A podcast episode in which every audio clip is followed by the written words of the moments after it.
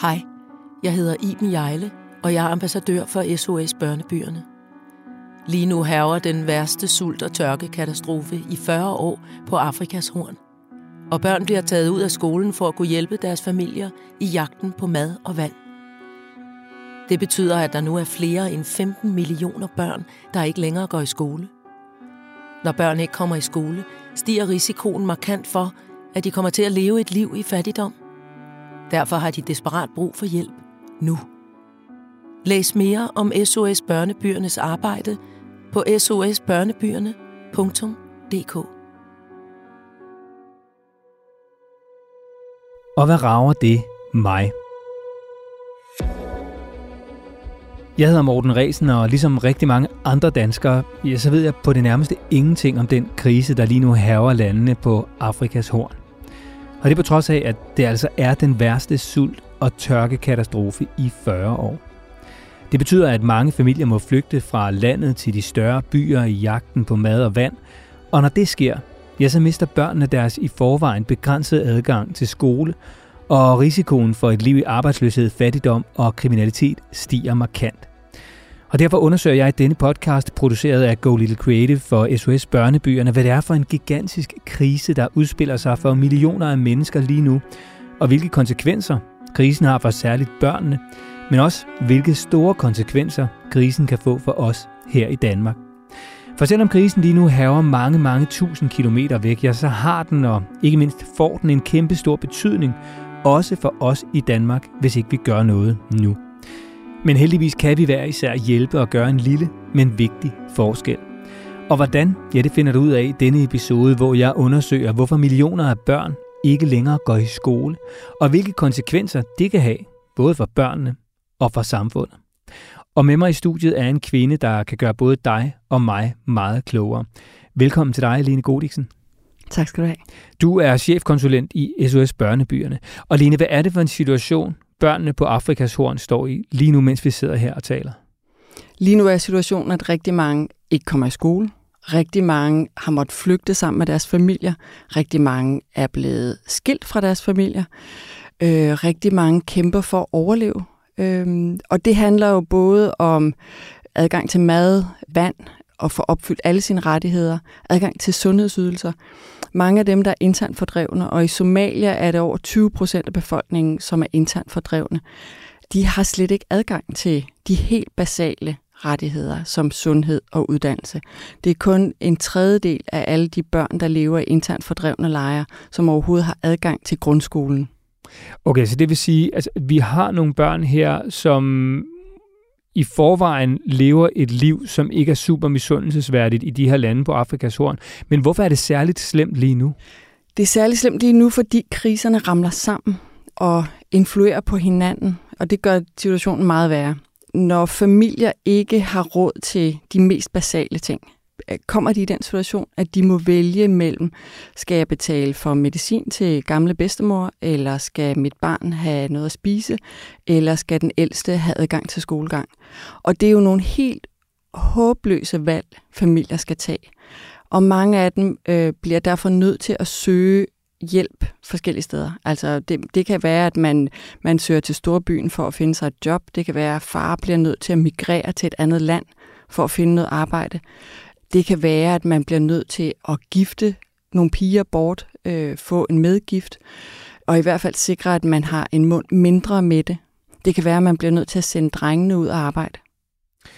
Og når du taler om det her med, at kriserne ramler sammen, så skyldes det jo, som vi også har talt om i de andre episoder, at landene på Afrikas horn er ramt af massiv tørke, mangel på mad, efterdønningerne øh, fra corona og følgevirkningerne af krigen i Ukraine, for nu bare at nævne nogle af kriserne. Altså, hvad, hvad er det derudover, der gør, at, at børnenes adgang til skole så er så voldsomt forringet? Jamen, det er den jo, fordi at selvom landene faktisk har arbejdet for at forbedre adgang til uddannelse gennem mange år, så er der, øh, så er der flere faktorer, der gør det vanskeligt. Øh, der er en befolkningstilvækst, som gør, at det er svært for myndighederne at følge med i at bygge skoler nok, i at få uddannet skoler nok. Øh, et sted som øh, Somaliland har kun for nylig fået en læreruddannelse. Og det betyder, at rigtig mange af dem, der underviser ikke har en læreruddannelse. Det kender vi jo fra Danmark også, at, øh, at det faktisk er et problem at skaffe lærer nok. Men i den del af verden er det et meget større problem. Så vi har mange, der underviser i folkeskolen, som måske kun har en gymnasial uddannelse. Og det vil sige, at kvaliteten af uddannelsen er slet ikke høj nok. Og det er jo i sig selv et problem, men det bliver jo kun et problem, hvis børnene rent faktisk kommer i skole. Det gør de jo så ikke engang for rigtig mange vedkommende. Og det er blevet særligt forværret efter corona. Prøv lige at fortælle, hvad det er, der er sket under corona i de her lande, og hvad der så er sket efterfølgende, som gør, at situationen nu bare er blevet værre og værre. Ja, altså under corona lukkede skolerne, som vi også så herhjemme. Øh, mange af landene prøvede at indføre forskellige metoder for at nå børnene gennem fjernundervisning. I, i lande, hvor folk ikke har en computer, så øh, skete det meget gennem radioprogrammer. Så, øh, så man har selvfølgelig forsøgt at holde gang i noget undervisning, men jo slet ikke på et niveau, der svarer til den skolegang, man ellers får. Øh, så man har set, at mange børn har mistet noget, øh, noget, øh, altså de to skoleår, det faktisk har strukket sig over. Og når man så skal have børnene tilbage, er der bare rigtig mange, som ikke kommer tilbage. Og det der, kan der være mange årsager til. Kenya havde især meget store problemer med, øh, med graviteter, altså at pigerne i de store klasser øh, ikke kom tilbage, fordi de mellemliggende, at den mellemliggende periode var blevet gravid. Og der er rigtig store udfordringer med at komme tilbage på skolebænken, hvis man har fået et barn, fordi der er ikke børnepasning. Det kan være stigmatiserende, at man øh, som 15-årig har fået et barn. Det kan være, at man bliver smidt ud hjemmefra af sin familie. Og det kan være, at den lærer, der har gjort en gravid, måske stadigvæk er i skolen, og man har ikke lyst til at møde ham. Så der er rigtig mange forhold, der gør den tilbagevending til skolen meget besværlig. Og så er der jo så en krise, som lige nu er den værste i 40 år i det her område, som gør det at få børnene tilbage i skolen endnu vanskeligere. Hvordan er det, at den her sult- og tørkekatastrofe i landene på Afrikas horn betyder noget for børnenes skolegang? Jamen, det betyder noget for børn og skolegang, fordi alle de her kriser griber ind i hinanden. Når folks fødevaregrundlag er forsvundet, øh, et sted som Somalia, Somaliland, hvor mange lever som pastoralister, altså det vil sige, de lever med deres geder, kvæg eller kameler og flytter sig rundt i landet. Efter en sultkatastrofe, eller efter sådan en tørkekatastrofe, betyder det, at de har mistet deres dyr, så de har måttet flytte ind til byen for at, øh, at finde mad og komme med i et hjælpeprogram måske. Men det betyder jo også, at der ikke er nogen, der betaler skat. Det betyder, at staten ikke har penge nok til at betale for øh, lærernes lønninger. Det betyder, at man har ikke råd til at bygge ekstra skoler, når der er kommet flere børn. Det betyder, at man måske lægger flere udgifter til uddannelse over på forældrene selv og beder dem om at betale noget af det. Og når forældrene ikke har nogen indtægt, er det ikke muligt. Så det er sådan nogle øh, ringe i vandet, kan man sige, der alt sammen skubber børn længere væk fra adgang til uddannelse. Øh, hvad betyder det her helt konkret i tal? Jeg kan give et eksempel fra Etiopien. Øh, den seneste UNICEF-rapport fra oktober viste, at det kun var lige godt halvdelen af de børn, man forventede, der skulle starte i skole i september, hvor skoleåret starter, som mødte op. Så kun lidt over halvdelen mødte op i skole. Jeg har nogle tal fra Somaliland, hvor de mest berørte områder er helt nede på omkring 15 procent af de børn, der skulle gå i skole, som rent faktisk mødte op. Så det er meget store tal, vi taler om. Altså, det er jo hele generationer af børn, som bliver udelukket fra skolegang. Og konsekvenserne for et livsforløb er jo enorme, fordi sandsynligheden for, at de her børn nogensinde kommer tilbage på skolebænken, er minimal. Og meningerne om den manglende skolegang for børn og hvem der skal løse problemet, er mange. Prøv lige at høre det her citat. De kunne gå i gang med selv at dyrke deres mad. Afrika er et utroligt rigt kontinent, men viden og fortagsomhed mangler i den grad.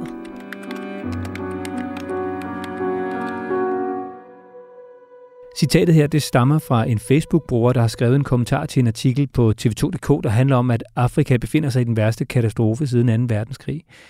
Lene, kan du forstå, at der er nogen, der tænker sådan her? Altså, at den her katastrofe og for eksempel manglende skolegang øh, til børnene skyldes befolkningerne selv?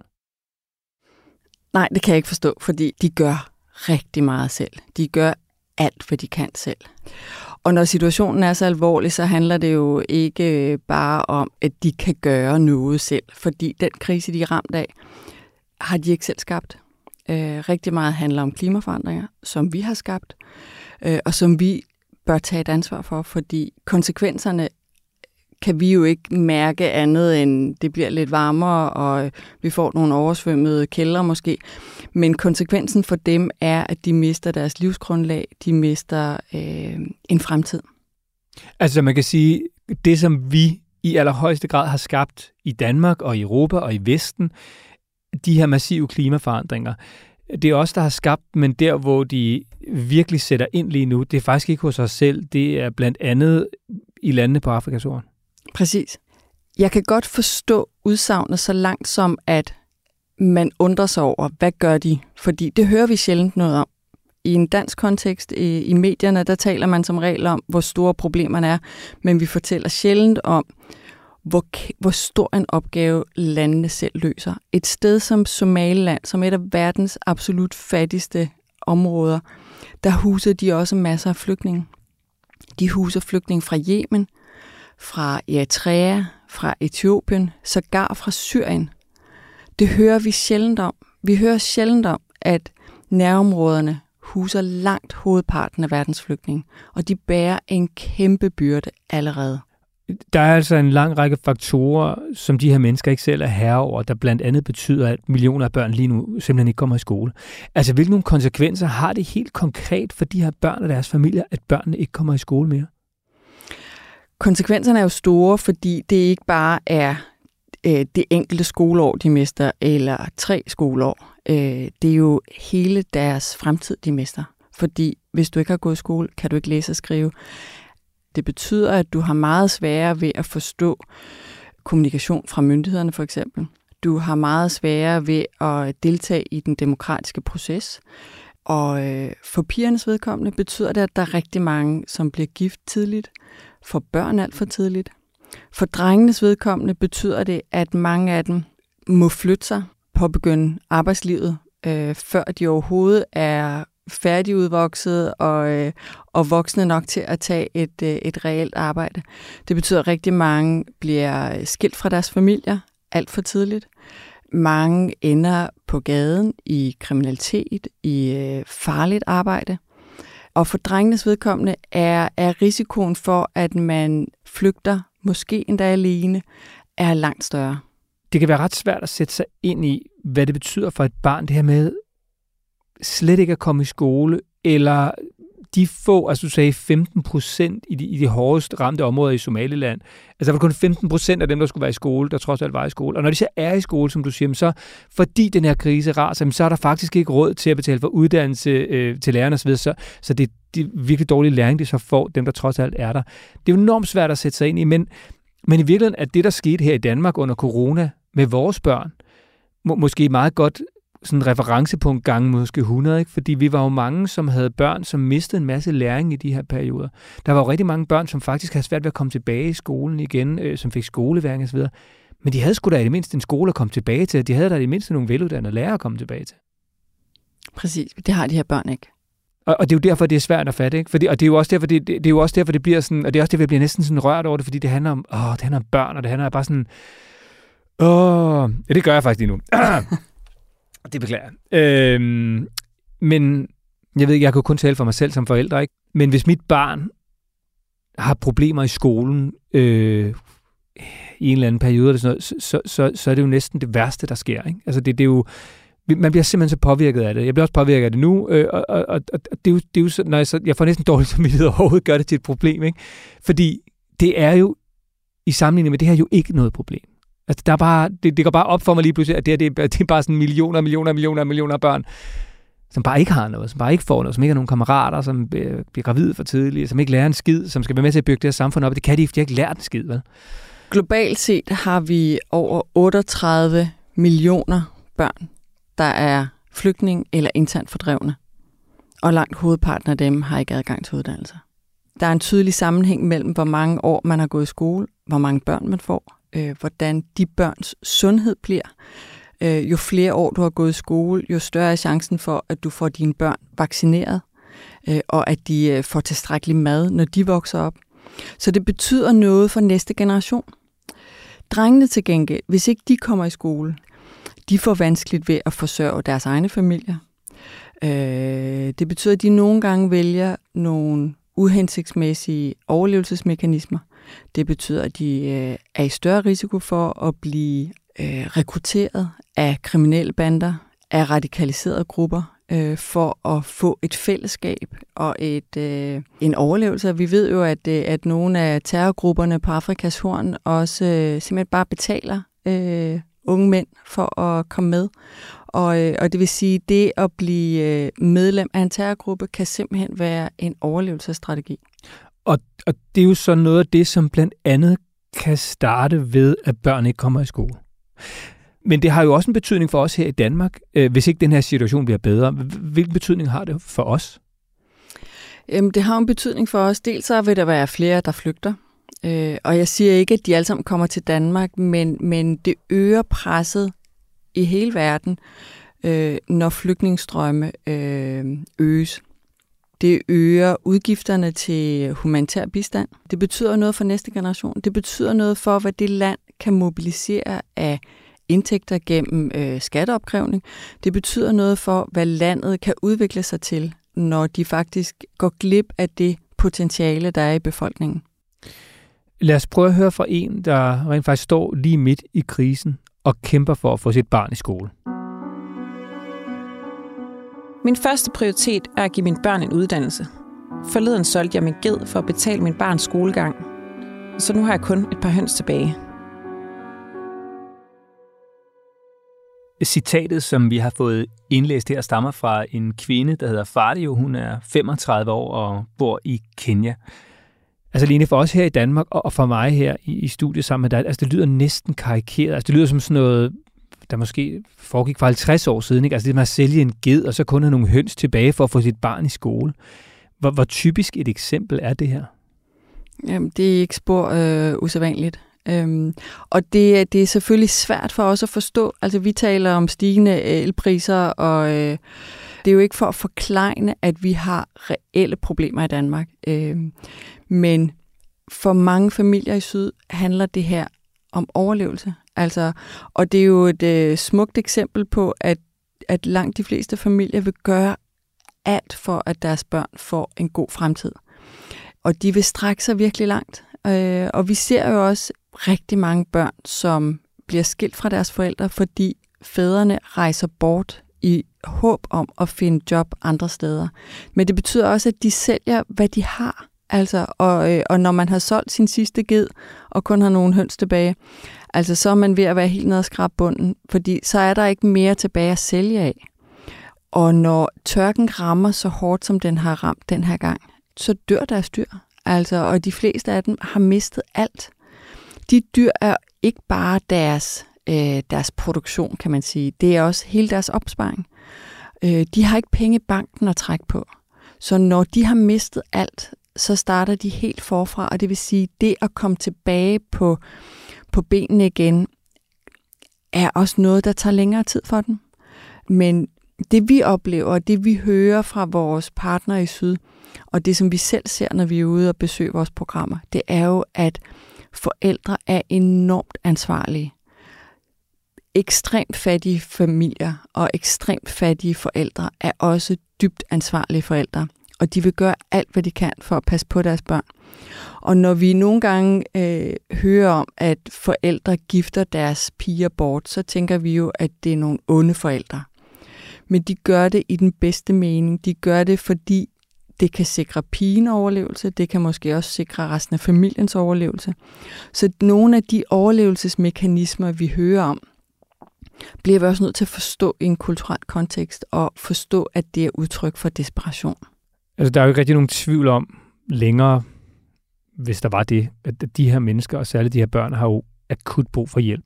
Men hvorfor er det egentlig også her i Danmark, altså så langt væk, der skal hjælpe? Jeg tror, at vi alle sammen skal hjælpe. Altså, vi har nogle verdensmål, som er øh, hele verdensmål. Og øh, det 17. verdensmål handler om partnerskaber. Det handler om, at vi alle i verden som borgere er forpligtet til at bidrage og til at hjælpe hinanden med at nå de verdensmål. Og fra dansk side kan vi selvfølgelig ikke gøre alt, øh, og vi skal heller ikke gøre alt. Vi skal ikke løse alle verdens problemer, men, men vi skal være med til at bidrage til at løse dem. og derfor kan vi alle sammen gøre noget. Og hvad er det så helt konkret, vi kan gøre? Fordi øh, altså hele den her sådan kæderække øh, af kriser og katastrofer, som du ramser op, og, og den her situation, altså som jeg jo bare nu har fået øjnene op for, er, er fuldkommen umulig, kan jo også være enormt svært at håndtere, når man sidder hjemme og tænker, jo jo, men hvad nytter det overhovedet? Altså, hvad er det egentlig, jeg kan gøre her tusindvis af kilometer væk? Alle kan gøre noget. Øh, man kan støtte en organisation, og jeg vil ikke øh, pege på, hvilken organisation man kan støtte, fordi alle de humanitære organisationer, alle de organisationer, der arbejder med udvikling, gør noget forskelligt, og der er brug for, at vi alle sammen gør noget forskelligt. Fordi der er så mange problemer ude i verden, at det ikke er løst med, at vi sender 20 kroner afsted til SOS Børnebyrne eller til en anden organisation. Det er løst ved, at vi alle sammen er opmærksom på, hvor alvorligt det her det er, og at vi taler med hinanden om det, vi taler med vores politikere, sætter, stiller dem til ansvar for, også at sikre, at det stadigvæk er noget, vi prioriterer i vores offentlige budget, at vi har en, øh, en bistand, som øh, er med til at løfte det her ansvar. Vi er et lille land, og vi kan ikke gøre det hele alene, men vi har en vigtig stemme i at rejse de her spørgsmål i øh, FN-systemet, i EU. Det er vigtigt, at vi løfter det ansvar kollektivt. Og hvis nu det, jeg kan bidrage med, det er den der 20'er, som du nævnte før, Mm, nytter den så overhovedet, når det bare er en 20'er fra mig? en 20'er fra dig løser jo ikke det her problem. Men en 20'er fra hele Danmarks befolkning vil jo faktisk blive til en hel del. Hvis vi alle sammen gør lidt, så bliver det til meget. Hvis vi er opmærksom på, hvordan vi selv agerer, øh, hvordan vi selv bruger af verdens ressourcer, øh, hvordan vi handler, vi har som borgere mulighed for at handle. Mange af de borgere, vi taler om her på Afrikas Horn, mange af de børn, vi taler om, og de familier, vi taler om, de har ikke nogen handlemuligheder. Og lad det være det sidste ord. Det var fjerde episode af Hvad rager det mig? En podcast om krisen på Afrikas Horn. Tak til Lene Godiksen, chefkonsulent hos SOS Børnebyrden. Og også tak til dig, der har lyttet med. Jeg håber, du har fået noget ud af podcasten. Og hvis du har lyst til at hjælpe, ja, så kan du læse mere om SOS Børnebyernes arbejde og hvordan du kan hjælpe på sosbørnebyerne.dk. Du må også meget gerne tippe andre om podcasten.